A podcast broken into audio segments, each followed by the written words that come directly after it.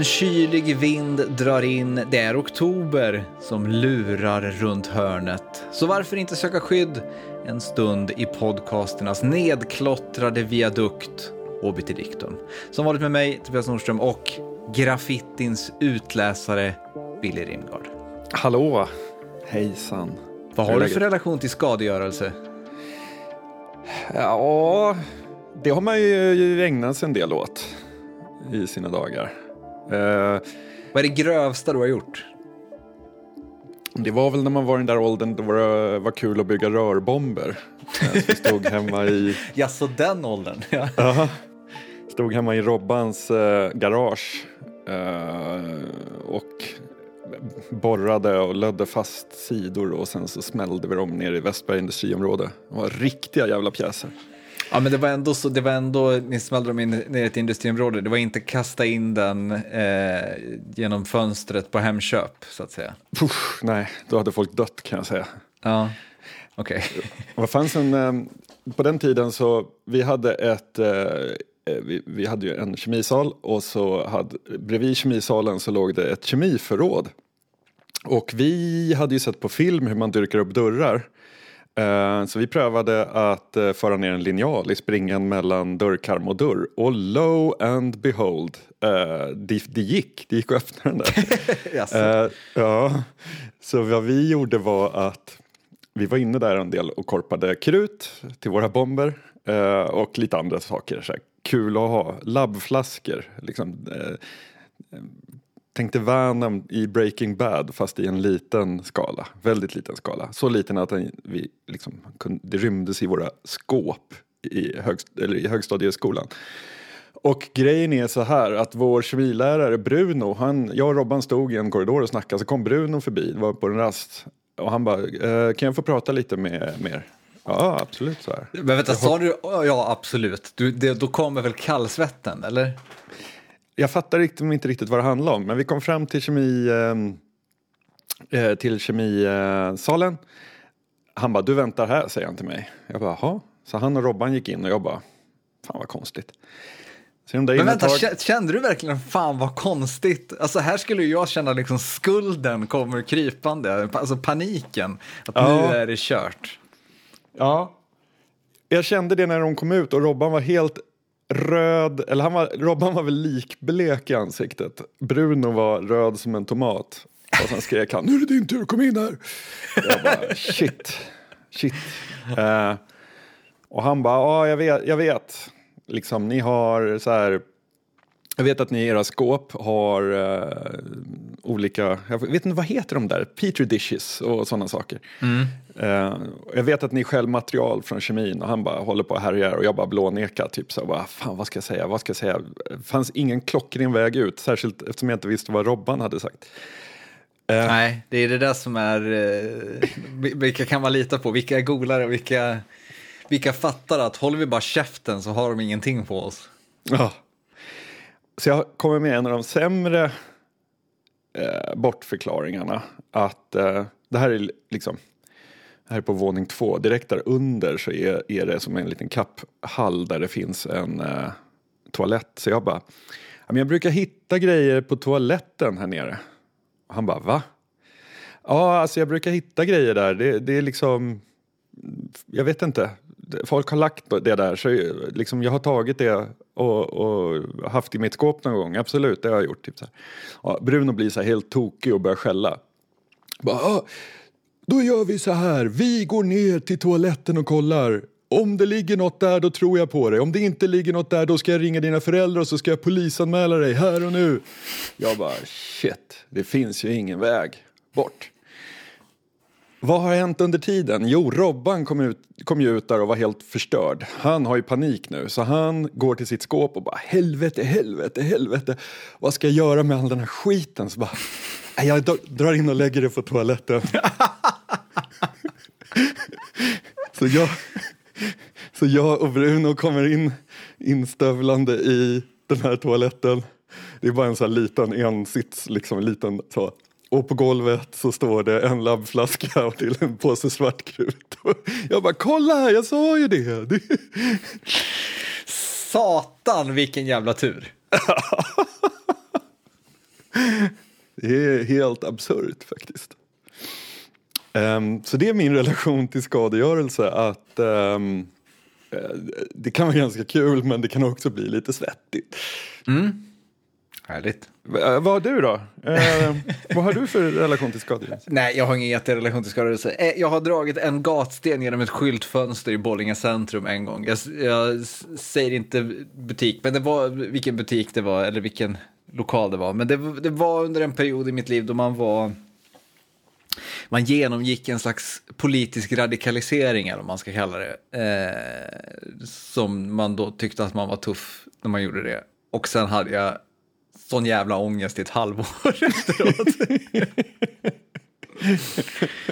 eh, så det, det, är min relation till, eh, jag, eh, jag, bokstavligt talat, I don't got the stomach för eh, den typen av skadegörelse. Skrek du innan du kastade, skrek du då det är lika stort brott att äga en bank som att råna en. Nej, det, det, gjorde jag inte. Jag skrek ingenting, men, men det, det var, den, de typer av motiv fanns eh, i, i, i, huvudet definitivt. Eh, men det är ju liksom så här, man, samtidigt är man väl fostrad så man har en känsla av rätt och fel, vilket får en att ändå känna att man har gjort något fel. Hur, hur liksom, politiskt övertygad man var ändå över att man gjorde någonting rätt så sa, sa någon slags moralisk kompass där inne att så, så var inte fallet. Man är fostrad till vad som är rätt och fel och det är också ganska kul att elda. Så har min, så har min inställning varit. Ah, okay. inte längre. Vi får se, kanske plockar upp det någon gång. Jag... Eh, shit. Um, jag var på Systembolaget, jag hittade ingen bra övergång här, så jag bara säger det. Jag var på Systembolaget i veckan. Um, står i kö och så byter de i kassan. Och han som sätter sig där hänger upp en skylt där det står så här, hej, jag heter Gustavo. Jag är döv, men hälsa gärna på mig. Står det. Ehm, och min första reflektion var att det, det är så här, det är lite som att man sätter en skylt så här vid en hage där det går en get och så står det så här, hej jag heter Nisse, mata mig inte, men du får gärna klappa. Typ. Det var så konstigt tonläge i den där skylten så jag tyckte det var lite, lite fint, men visst, absolut. Folk framför gör ju sitt, alltså folk, eh, den här lilla konversationen om huruvida man vill ha kvitto och sånt där, han löser ju det där galant, han är ju van liksom. Det är mycket tummar upp och liksom sådana saker. Eh, men folk då som eh, inte kan teckna och inte kan eh, tänka kanske. De stod ju och försökte mima som att han liksom kunde läsa allt de sa på ah. läpparna. De stod mm. och artikulerade det de skulle säga väldigt mycket. Och jag tänkte barbarer, tänkte jag. Vilka jävla barbarer. Varför tänkte en... du det? Det är väl fi fint tänkt ändå, eller? Ja, jo, men det var ändå så här. Det hade varit värre om de började prata högt samtidigt som de... ja, men alltså, det var ju det också. Alltså, de, de, de pratade ju, bara det att de artikulerade lite tydligare i hopp ja, om att han jo. skulle läsa på läpparna. Så när det var min tur och jag har betalat så gör jag, eh, då tecknar jag tack istället. Eh, ett av få tecken jag kan. Eh, men jag, jag gjorde det, för jag tänker att jag är ingen barbar. Då händer det som inte får hända. Jag, jag vet ju redan nu vad som händer. Han svarade. Mm. och började prata. Varför jag blev helt ställd. Jag tänker att om man bara säger tack, tack till någon i en affär. Det är inte så att de liksom börjar prata med en. Uh, jag vet inte vad jag ska göra. Så jag bara jag ler lite och slår ut med armarna. Det visade sig att du också bara var en barbar. Ja, som... precis så. Och det här väckte ett sug i mig att äh, lära mig teckenspråk lite grann. För jag tycker att man ska fan gå runt på, man måste kunna ta sig runt på, precis man måste kunna lite grundläggande latin, precis måste man kunna lite grundläggande te teckenspråk tycker jag. Um, så jag ska försöka nu, och, och jag kommer ha mycket tid att lära mig för jag kommer ju vara nykter fram till jag har lärt mig för jag går inte tillbaka till ja, just det. Systembolaget i första taget. Men jag tänker också, det, det, en stor miss med teckenspråket var ju att, de inte, att, de, att det inte är ett globalt teckenspråk. Eh, just det. Alltså jag förstår ju att teckenspråket har liksom uppkommit och utvecklats på olika ställen eh, på jorden. Men det är ändå en så pass liten minoritet världen över som, är, eh, som använder teckenspråket att det är ju möjligt att göra det globalt. Att liksom göra en reform om att så här, från och med nu. Det, sen är det såklart att det kommer finnas lokala avarter och så vidare på, på, med uttryck och annat som inte liksom finns överallt. Men, men det, det finns ju definitivt en, en större möjlighet att ha ett globalt teckenspråk än ett globalt talspråk. Fast alltså, jag menar, eh, anledningen är väl precis detsamma till att vi skriver haha och koreanerna skriver kek kek. Eh, att liksom... Skriver koreanerna också Är det inte brassarna som skriver kek kek kek? Ja, det kanske det är. Och men det, det, jag, men jag, har fått, jag har fått det förklarat för mig en gång. Det är jättemycket, vad heter det, eh, brassar som spelar Magic. Eh, och tydligen då så, om jag inte miss, eh, minns helt fel nu, så är det att ke, ke, ke, ke, ke uttalas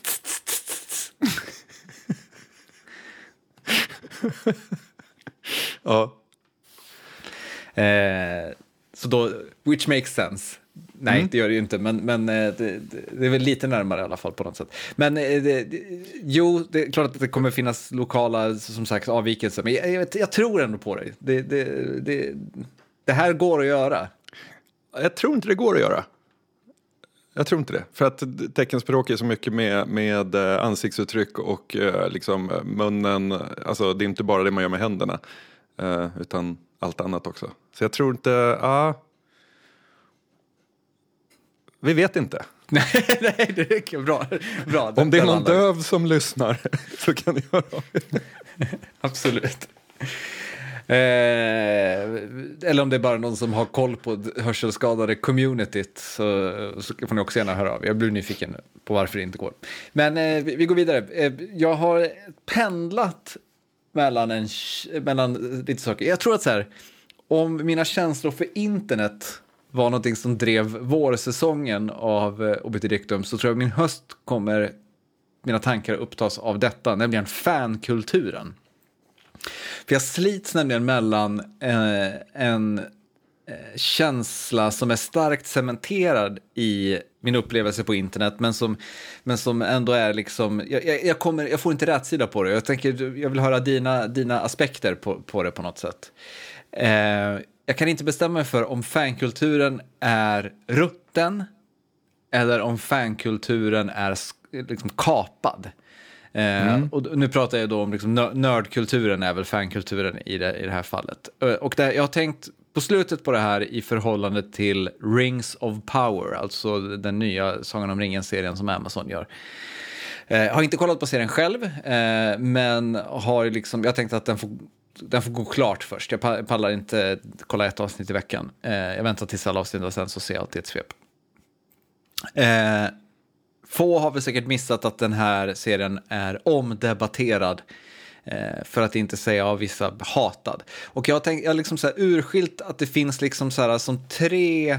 Man kan tolka hatet mot Rings of Power i tre olika steg. Eh, och jag inser nu att jag har skrivit dem i en ordning, men jag kommer läsa upp dem i en annan ordning. Jag tar dem i ordningen liksom så här, från välvilligt, eh, a.k.a. fankulturen är liksom eh, bara lite rutten. Eller, eller rutten kanske är fel ord, men fankulturen är lite um, vilsen till fankulturen är kapad.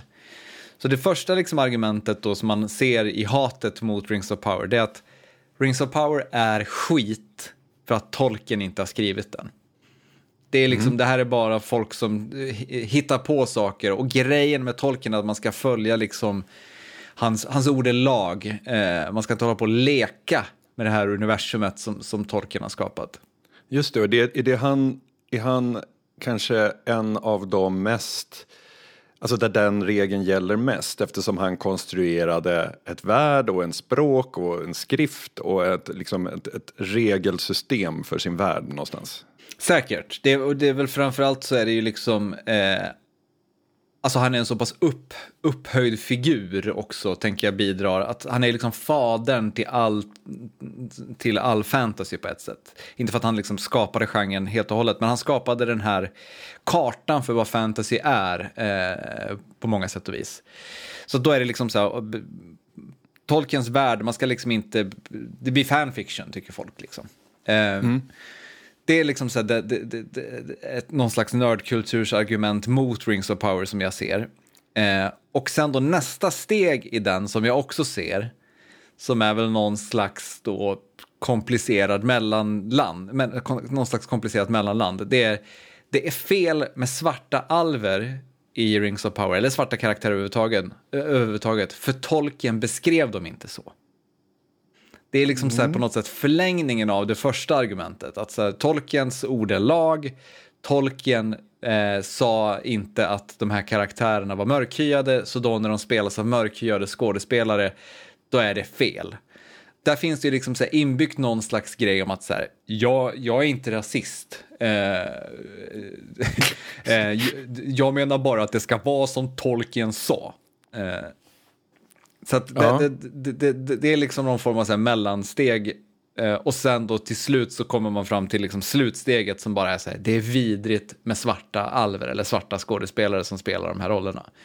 Och då är liksom så här, det, det, är liksom slutstationen med, där, är, där ser man definitivt att det finns folk som har kapat fankulturen. Alltså det, det är folk som kanske egentligen inte bryr sig så mycket om vad Tolkien skrev. Det är bara för jävligt att den här historien som förut bara, bara var befolkad av e, enbart vita människor, eh, vita skådespelare, nu finns det en massa vad heter, mörkhyade personer med. Det gillar jag inte.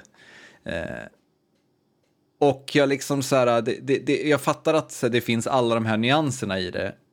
Men det finns också någonting med att de här olika stegen eh, de samsas på ett ganska obehagligt sätt om du förstår vad jag menar. Alltså, mm, mm man ser inte de som, de som eh, liksom förordar den här serien är skit för Tolkien har inte skrivit den. De tar lite för lite avstånd från de som säger jag hatar svarta alver. Ja. Men vad tror du, är fankulturen rutten eller är den kapad? Både och. Eller? Ja. Jo, det är väl det, är väl det som är det, det, sanningen på något sätt. Men, men eh, det... jag, jag, jag tänker så här jag tror att um, vi försöker se fankultur och sånt som någonting positivt därför att om man backar bandet till någon slags barndom eller uh, i alla fall när jag var yngre så var det ju så. Då tänker man så här att de här rollspelande sköna nördarna det är en varm gemenskap. Det är en välkomnande gemenskap. Där kan outcasts vara med. Till skillnad från de här moppesnubbarna som, som liksom man bara åker på stryk om man råkar gå för nära. De, de är osköna. Här. Men den där sanningen är ju liksom det är ju inte en sanning, för det räcker med att det kommer en tjej och vill vara med. Så är de där rollspelsnördarna inte så jävla varma och gemytliga längre. Utan då är det liksom, tjejer förstår sig inte på drakar och demoner. Jag vet inte. Men, men det, det ja, i alla fall... Jag förstår vad du menar. Ja. Mm.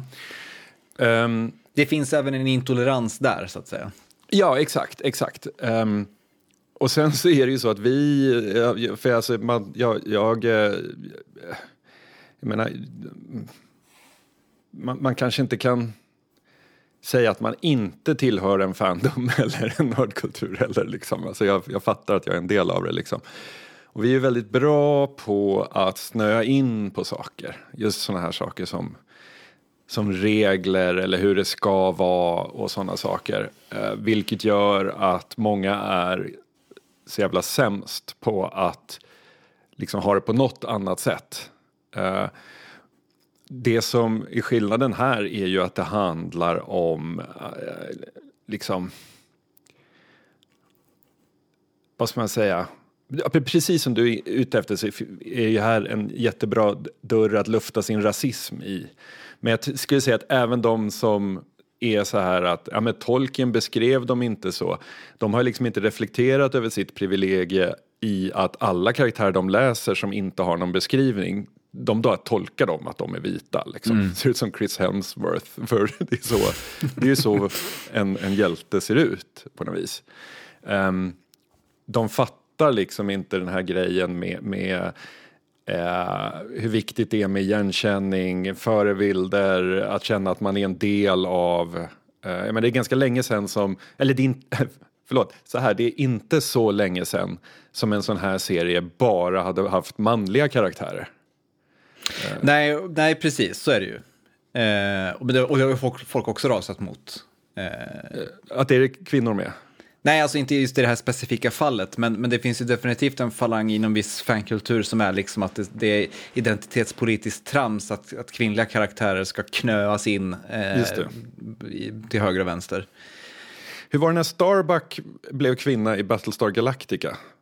Jag tror inte någon brydde sig. Eh, eh, Jag kan ha fel. Det, var, och så, så här, det är klart att det var några som brydde sig och tyckte det var störigt. Men, men i och med att det var liksom före identitetspolitikens varv, det var det ju inte, men det var innan det var ett allmänt begrepp som alla på internet kände till, så var det ju liksom ingen som, som direkt super mycket brydde sig. Men ett annat tydligt Men exempel är då, så här, alltså, jag, jag bara vill, liksom, min fråga var delvis retorisk därför jag Ja. tänker så här, det kanske fanns hundra stycken Battlestar Galactica fans innan den serien.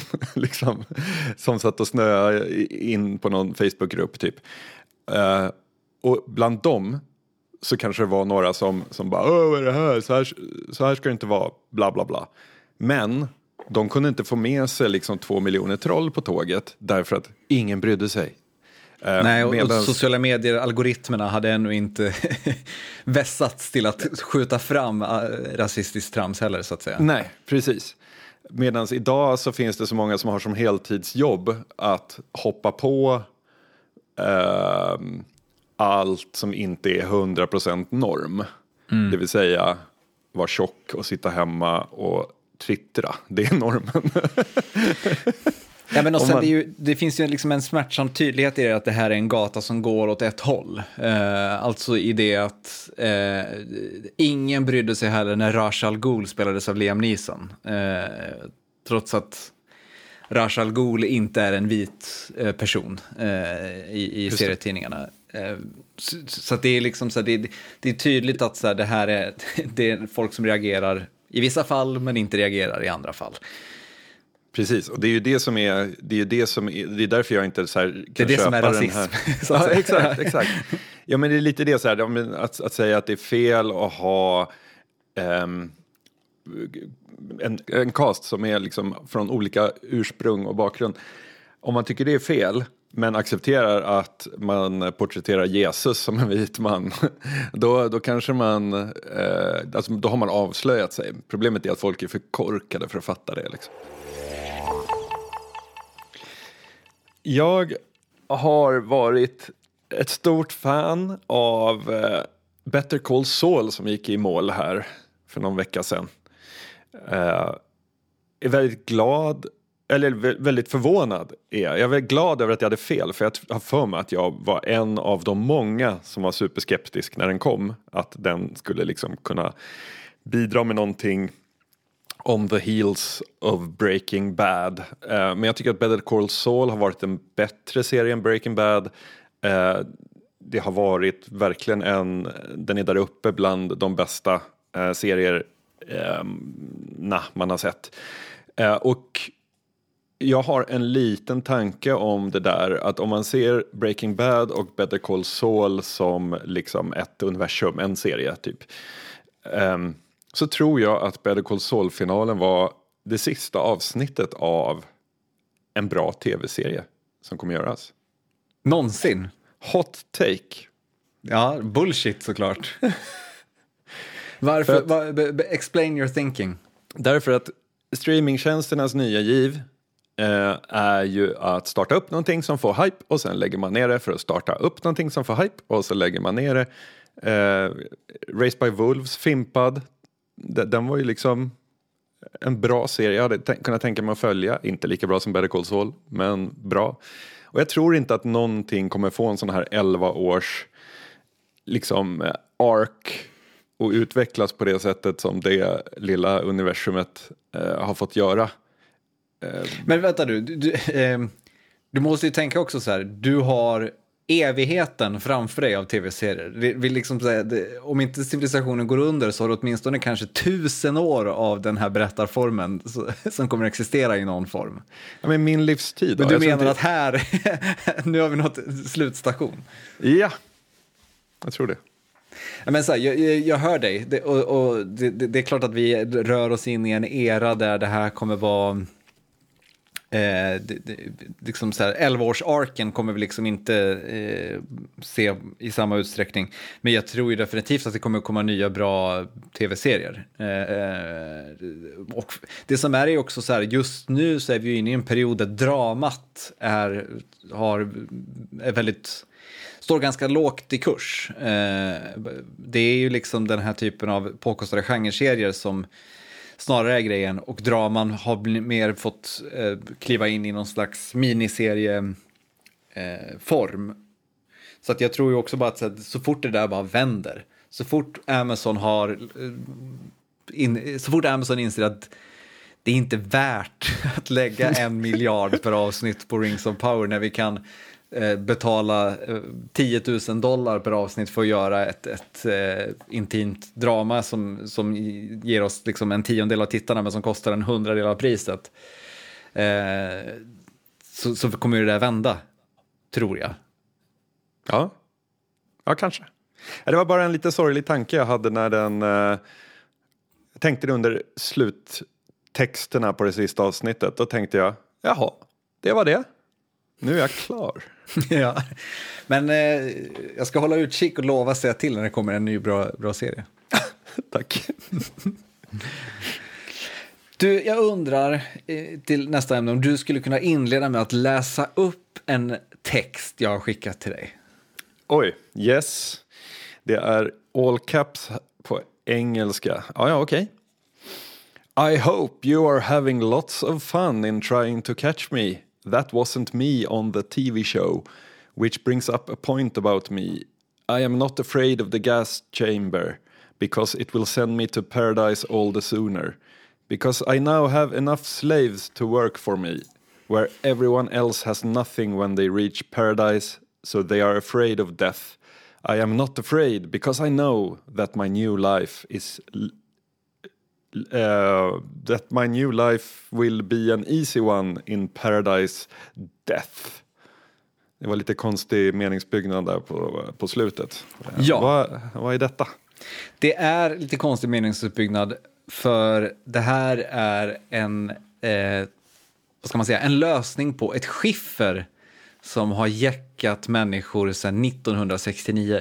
Det här är Zodiac-mördarens eh, olösta skiffer. Aha.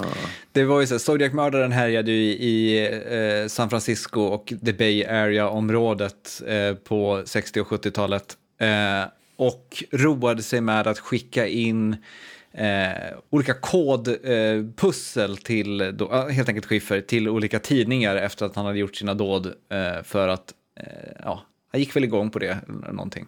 Eh, och ett av de här skiffren då, eh, som skickades in, det har väldigt, väldigt länge varit eh, olöst helt enkelt. Det, det, har varit omöjligt att, att lösa det. Jag läste en lång artikel om hur man löste det här skiffret till slut härom året. Det var under, under covid-pandemin som, som det, eh, de lyckades knäcka det. Eh, det är jättekul att folk sitter hemma i isolering och går all in på Zodiac-skiffret. Ja, förlåt. Ja, det, det, Fortsätt. Ja, eh, för, och, och anledningen till att man har lyckats knäcka det först nu det är att man har gjort det med hjälp av AI. Och det är inte AI som liksom så här, en robot har vaknat och tänkt, utan det är helt enkelt en AI som eh, eh, man, testar, man brute forcar mer eller mindre med massa, massa lösningar, man pusslar, man testar. Eh, och jag minns inte exakt den exakta formuleringen, men, men, men det här eh, skiffret räknas som ett jag tror att det kallades Guess what I'm thinking-skiffer. Alltså mm. det är ett skiffer som så här, det är mer eller mindre omöjligt för en annan människa att lösa det. Du kan göra det, men det handlar bara om att sitta och testa alla lösningar eh, om och om igen.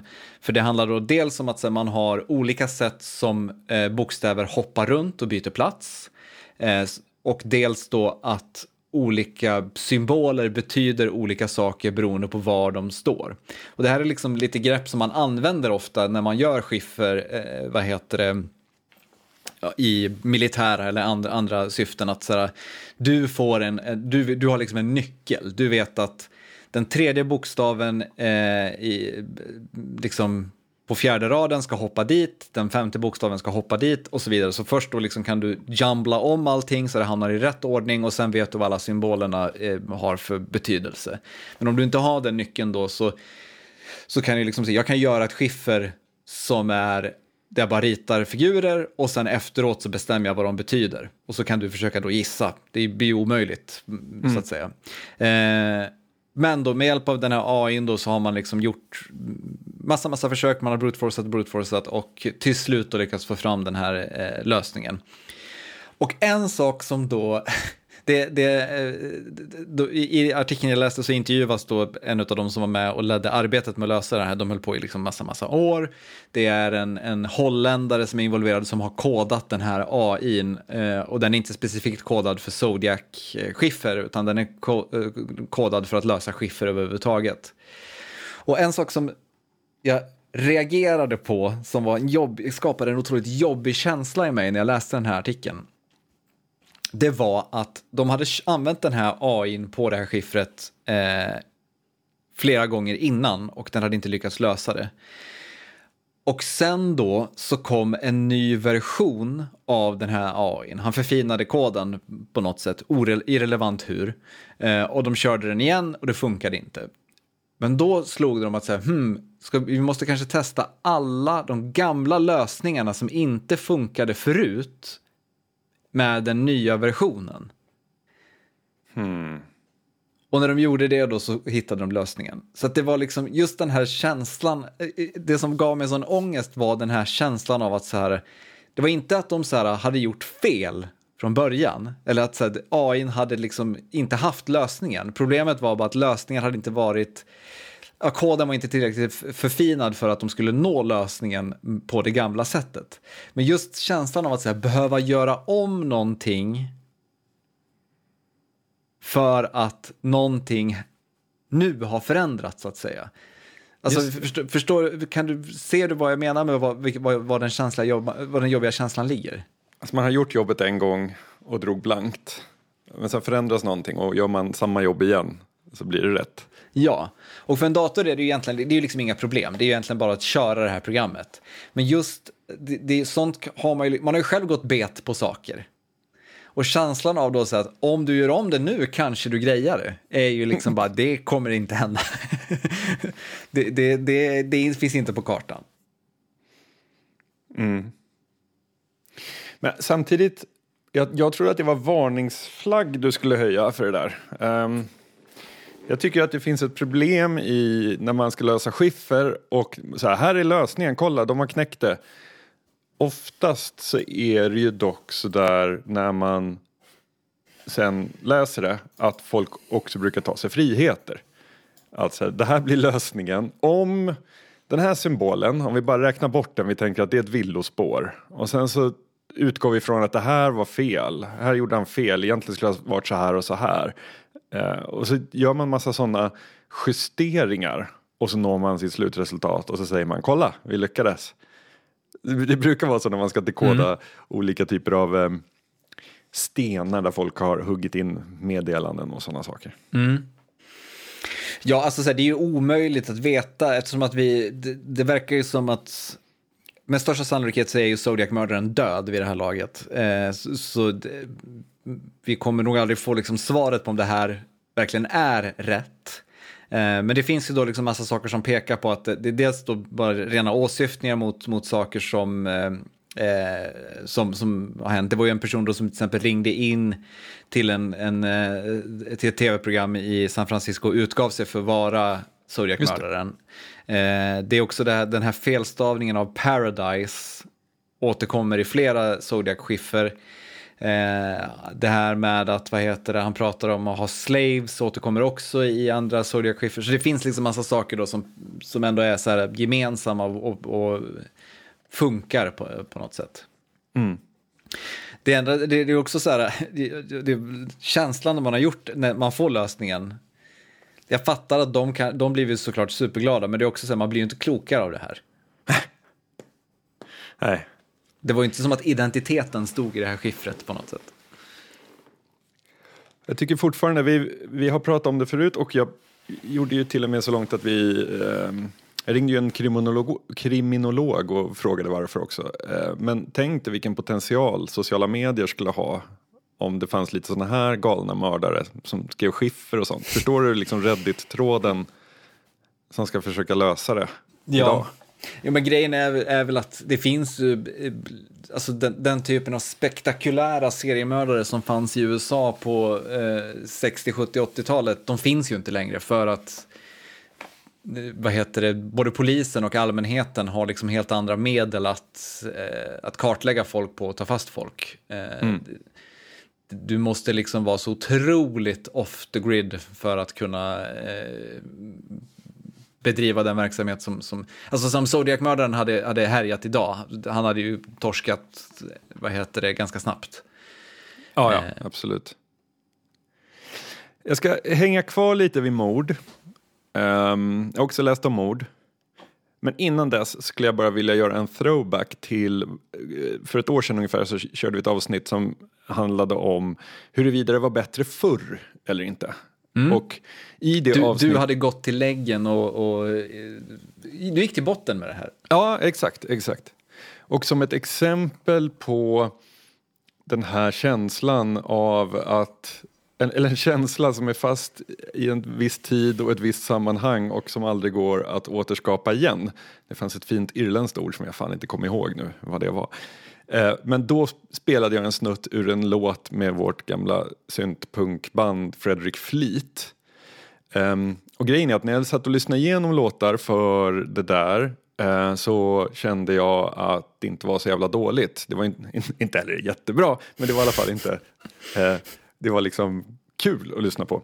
Så vad jag gjorde under våren var att tillsammans med min kompis Johan tröska igenom gamla CDRs Eh, bärbara hårddiskar med mer, med mer för att försöka få fram de låtar som fanns sparade till, till eftervärlden. Eh, hittade en del dumpar. Eh, skickade dem till en person som fick mixa utifrån, liksom, det fanns inga separata spår och sånt kvar. Men han, han har mixat och mastrat och de finns nu på streamingtjänsterna.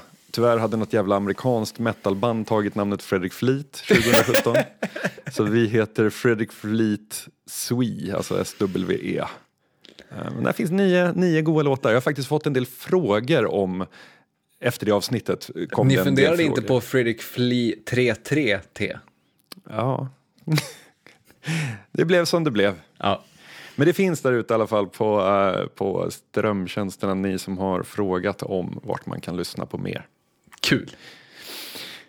Jo, vet du, jag gjorde det först, för första gången den här veckan så läste jag en bok som var helt rekommenderad av Du gjorde det första gången i ditt liv, du gjorde det inte för första gången den här veckan.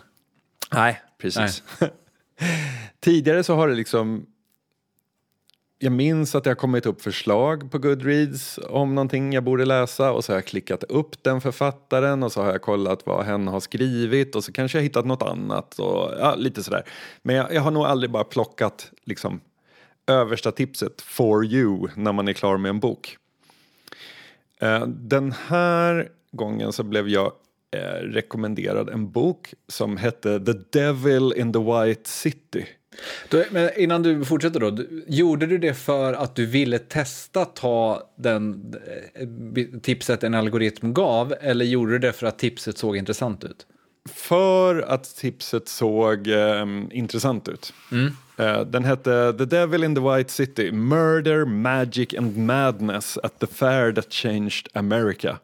Och den handlar om världsutställningen 1893 i Chicago och liksom är en dubbel historia. Dels hur de Alltså följer man några galna arkitekter som liksom får för sig att det här ska bli den fetaste världsutställningen någonsin. Och dels så följer man en seriemördare som heter H.H. Holmes som då eh, han, han, betraktas lite som den första moderna eh, seriemördaren. Eh, han, han höll på att bygga ett hus där han som han liksom inredde med en ugn och grejer för att kunna göra sig av med människor. Och det var bara enkelrum, han accepterade bara kvinnor. Så att när den här um, som hyresgäster då. Så att när den här världsutställningen kommer så liksom, han har också sina förberedelser igång för att få en konstant ström av offer att mörda. Typ. Och all was good och jag förstår nu så förstår jag varför jag fick den rekommenderad också för det är tydligen så att Leo DiCaprio och Martin Scorsese producerar en tv-serie för Hulu mm -hmm. eh, på den här. Men jag läste den, jag tyckte om den, jag tyckte det var en helt absurd story med den här H.H. Holmes och allt han höll på med. Det är liksom helt oklart hur många han dödade. Det är förmodligen, alltså den lägsta siffran som folk säger är typ 27 eh, bekräftade, men det kan vara liksom upp mot hur mycket som helst. Typ. Men det som händer sen. Jag blir nyfiken efter att ha läst boken. Jag börjar kolla Wikipedia, börjar läsa på mer om den här H.H. Holmes. Och det visar sig att den här, sen den här boken kom så har ju liksom jättemycket av myterna kring H.H. Holmes, det här huset han byggde som skulle vara som ett jävla löpande band av eh, sköna offer att, att mörda och så vidare. Jättemycket av det kommer från dåtidens sensationspress och det finns väldigt lite, alltså all, alla de här fantastiska eh, berättelserna i boken är typ, alltså inte debankade men nästan så. Mm. Åtminstone så, inte helt belagda kanske? Eller? Nej, exakt. Utan det, det, den här historien som man läste med fascination. Jag gillade i och för sig arkitektspåret också. Det är vilka lirare, det är helt sjukt. Eh, men, men jag blev lite deprimerad, eller deprimerad blev jag inte. Men jag blev besviken på att algoritmen gav mig ett toppförslag som kom ut 2003 och vars innehåll jag efter 447 sidor egentligen inte har någon användning för. för att... Men vänta, du har inte, varför har du ingen användning för det? Alltså jag menar så här, det, berättelsen fanns ju fortfarande där. Alltså även ifall det var i sensationspressen så är det ju ett kulturellt fenomen, tänker jag. Jo, absolut, men jag skulle inte kunna öppna en uh, punkt i Oddpod och bara, jag ska berätta om en grej, 1893, H.H. Holmes. Vi skulle inte kunna ha det som en storytime inför en, mm, ett julavsnitt. Men samtidigt, någonstans går ju också gränsen. Alltså när man hamnar tillräckligt långt bak i tiden så spelar det inte redan någon roll längre. Nej, det är sant. Alltså jag menar så här, om, om någonting har hänt 1992 och blivit debankat så är det ju liksom, då får man ju skita i det på något sätt. Mm. Men om, liksom så här, om någonting hände på 1600-talet och det finns liksom inga riktiga bra källor då är det ju bara att köra. Då är det bara en bra story, ja. ja absolut. Exakt. absolut.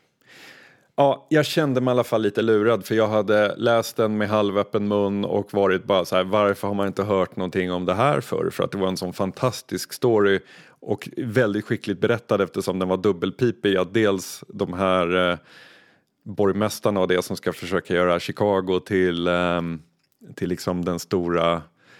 Det är därifrån begreppet Windy City kommer för att det liksom de skröt så jävla mycket om hur bra världsutställningen skulle bli. Um, äh, jaha, jag trodde att The Windy City, eller det, kanske är därifrån, men att Windy City var för att massa politiker eh, överdrev saker i Chicago. Alltså att ja. det var upp, uppblåst. De... Men, men, det var där det var ah, New, York, okay.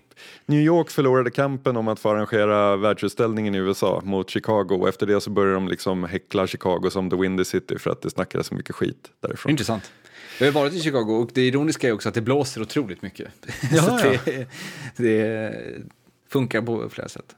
Ja, men det var det enda jag tog med mig så att algoritmen får underkänt. Jag kommer numera bara följa det som eh, Magnus Dahl uppdaterar på sin Goodreads, vilket han inte gör längre. Så att jag vet inte. Det kanske inte blir något mer läsa. Eh, lite mer läsa blir det ändå. För nu, mm. nu ska vi gå vidare till uh, Utopicirkeln. Eh, och jag har en, en fråga den här veckan eh, som jag tänker vi kan ta efter vi har pratat om, om eh, veckans novell. För eh, det, det, det, finns vissa beröringspunkter tyckte jag. Eh, vi har alltså till den här veckan läst By the time we get to Arizona av Madeleine Ashby. Mm. Eh, och ja, hur ska man summera handlingen här? Är det här ens en utopi? lite Ja, alltså grejen är att tyvärr så är ju Madeleine Ashby, hon verkar vara lite för smart för oss. det här är, jag läste hennes, jag läste en text hon skrev, det finns ett efterord och sen så hittade jag någonting på webben som hon skrev om. Hon har ju en otroligt intressant tanke kring gränser mellan nationer. Att så här, eftersom gränsen, gränser mellan nationer är fiktiva eh, och bara en, en konstruktion, liksom, eh, precis som allt annat, eh, så kan vi liksom välja vad vi gör med dem. Och vi har valt att bygga stängsel och murar och liksom sådana saker. Men man skulle kunna tänka sig att gränser var någonting helt annat. Så här, What if a border was a community? Och jag bara där sprängdes mitt huvud och jag kunde inte riktigt förstå. Men det, det förklarade mycket mer om novellen någonstans. Ja. Eh, handlingen i den här, den utspelar sig ju då på den amerikanska sidan av gränsen mellan Mexiko och USA, trodde jag. Men nu förstår jag att den kanske utspelar sig mitt på gränsen där det finns en eh, stora så här, eh, solfarmer som harvestar solenergi. Och där man då bor i det här communityt under en tid och arbetar med Mariposa de här... heter, heter det. Just det, Mariposa. Och man arbetar på de här solfarmerna eh, och är så här kraftigt övervakad, vilket jag tyckte kändes dystopiskt. Men så samlar man poäng och så kan man bli medborgare om man visar sig att man är en eh, bra, bra medborgare. Känns också ganska dystopiskt. Kan, Ja. kan man ju. Men det, det, det, det jag skulle tänka, för jag var så här, liksom, det här är ju ingen utopi. Så försöker jag tänka så här, på vilket sätt är det en utopi då? Om det, om det nu ska vara en utopi. Det är väl någon, kanske någon form av så här, corporate utopi. Eh, där liksom så här, eh, man ger fördelar till de som är liksom duktiga arbetare på, på något slags sätt. Men man är också helt i det här företagets våld. Eh, eftersom att om du inte spelar efter deras regler så blir du inte medborgare i USA och kan inte få liksom ett, ett, ett bättre liv än då som är de här eh, huvudpersonernas eh, dröm. Eh, det var, finns också någon, säk, någonstans här, han heter ju Ulysses med någon slags spansk, eh, förspanskad eh, stavning. Det, det finns väl säkert någon koppling här till, till eh, James, jo James Joyce eller någonting som jag inte tar. Mm, precis. Men alltså som jag förstår det så är det ju liksom så här hennes, alltså eh, om du vill bosätta dig i ett annat land idag eh, så är det ju en liksom ansökanprocess och du ska liksom fylla i papper och någon ska bedöma det utan att ha träffat dig och så vidare. Som jag förstår det så är hennes take på hur man kan göra den processen mycket smidigare är att göra som de här. Du åker och söker ett jobb. Hej, jag vill jobba här. Ja, visst. Bo där borta så kan du jobba. Och det då är liksom någon slags ansökningsprocess igång. Så. Eh, s- sen tar ju den här novellen tar ju inte höjd då för, vad ska man säga, det som marknaden, de människor som marknaden inte ser som nyttiga då? Ska de inte ha någon chans att, att kunna, är, är det bara liksom starka arbetare som kan ligga och eh, skruva på de här solfarmerna? Är det de enda som har möjlighet till ett bättre liv? Det svarar inte Precis. novellen på. Det finns ett så här, är du produktiv lille vän, eh, underliggande anslag på något sätt. Men det var det jag också menar, jag menar med liksom att det är en, en, en corporate utopia på något vis. Att, så, det, det är ju en, en, eh, en någon slags värld, i, eller något slags litet universum åtminstone, där den här typen av nyttighet är det som styr allting på något sätt. Och sen har du liksom också hela det här systemet som kändes någon form av så här, sociala medier-grej där folk kan ge varandra upvotes och grejer. Just det, folk som är medborgare kan rösta upp och ner. Ja. Ja. Eh, så att det, det, ja, det, det var också, det, det var lite så här, jag hade vissa problem med den här novellen i att den kändes som att det kändes som en liten del av någonting större lite grann. Alltså den kändes inte helt self-contained. Eh, det kändes lite som att så här, um, Jag, vet, jag, jag, så här, samtidigt, jag är inte helt säker på att jag skulle vilja läsa en hel bok om den här idén. Eh, så, så intressant tyckte jag inte det var. Eh, men jag kan, jag kan ha fel. Men, men vad heter det? det? Det var någonting med att så här, det fanns liksom ingen riktig story här på något sätt. Alltså det, det, fann, det, fanns en idé om det här border communityt och sen ett svepskäl på något sätt för hur man kan gestalta det genom, genom en eh, eller två huvudpersoner. Jag tror att det var det som är, alltså eh, Madeleine Ashby, hennes doktorsavhandling handlar om gränsdesign i form av ett community. Eh, så här, hur det skulle kunna göras och det känns kanske lite här som att hon försökte, hon kanske hade fått i uppdrag att, att komprimera de ganska stora idéerna som är tillräckligt för att, att bli en, en högt uppsatt eh, liksom arkitektur inom akademian. Att jo. försöka komprimera det till en, till en novell. Liksom.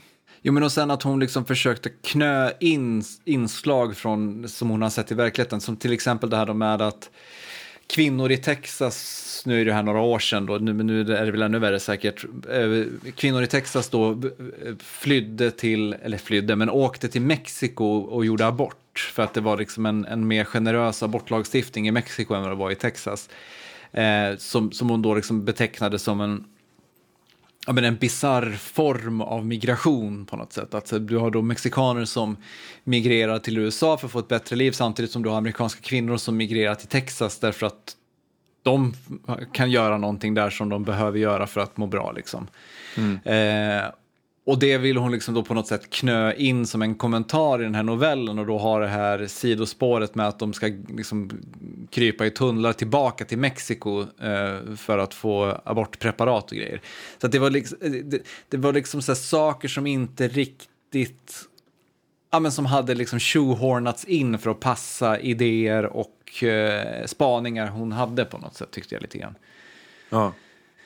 Som kanske liksom hade funkat bättre om hon hade haft lite mer utrymme att eh, underbygga saker liksom, eh, och förklara saker och, och, låta saker ta lite tid. Ja. Yes. Eh, det, det, och det jag skulle, min fråga då var, jag läste en intervju med Kim Stanley Robinson som vi har pratat om många gånger på slutet. Eh, han skrev ju en trilogi om Mars för ett antal år sedan eh, och pratade då om i en intervju med Vice om att vad heter det, drömmen om Mars är död eh, så länge liksom vi har klimatkrisen mer eller mindre. Alltså så länge vi liksom så måste tänka på hur, vi, hur jorden ska kunna fortleva så kommer vi liksom inte kunna lägga energi, resurser, tid på att tänka hur bygger vi en ny tillvaro på Mars. Och jag tänkte liksom lite på det att så här, är vi, vi har ju pratat om så här, varför skrivs det inga utopier längre. Är liksom, hänger klimatkrisen för mycket som ett svart moln över oss för att utopin ska liksom vara möjlig att tänka på? Eller kan, förstår du vad jag far efter på något sätt? Ja, jag förstår definitivt. Eh, precis, hur ska man förhålla sig till det där? Eh, de som inte tycker att klimatkrisen är någonting att vara rädda för, de har ju argumentet att vi kommer lösa den genom teknik. Det är också en slags utopisk dröm. Eh, jo, men det blir liksom att så här, om du då skriver en, fram, en, utopi, en framtidsskildring som är utopisk, då måste du på något sätt förhålla dig till hur vi har löst det. Eller man ska just säga. det, just det. Ja, kanske. Uh, alltså du menar att man måste, man måste förklara hur det var löst för att kunna... man måste kanske inte, men det, det, blir liksom så här, äh, man kan åtminstone inte bara helt skita i det. Man kan liksom inte bara säga, den här berättelsen utspelar sig 2060 och allt är bra. Så här funkar det. allt blev bra. Och ja. vi, ja. Um, ja, nej men det kanske jag tycker det är svårt att säga. Uh, jag fattar vad han menar verkligen. Uh, men det är också konstigt så här. Jag tänker att den dagen vi ger upp tanken på Mars eller någonting sånt så har vi väl gett upp allt. Alltså då har vi ju bara accepterat att nu blir det Mad Max och vi får... ja, det kanske är en utopi det också på något sätt.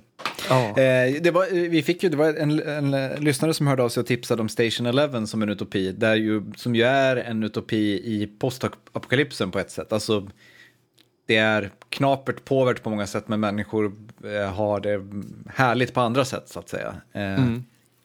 Jag tänker att det där är en, kanske vi kommer till, vi får se om det dyker upp någon sån novell i den här samlingen, den typen av idé om utopin som ett sätt att vi har gått tillbaka till någon slags ursprungstillstånd eh, genom, genom undergången på något sätt. Vi får väl se.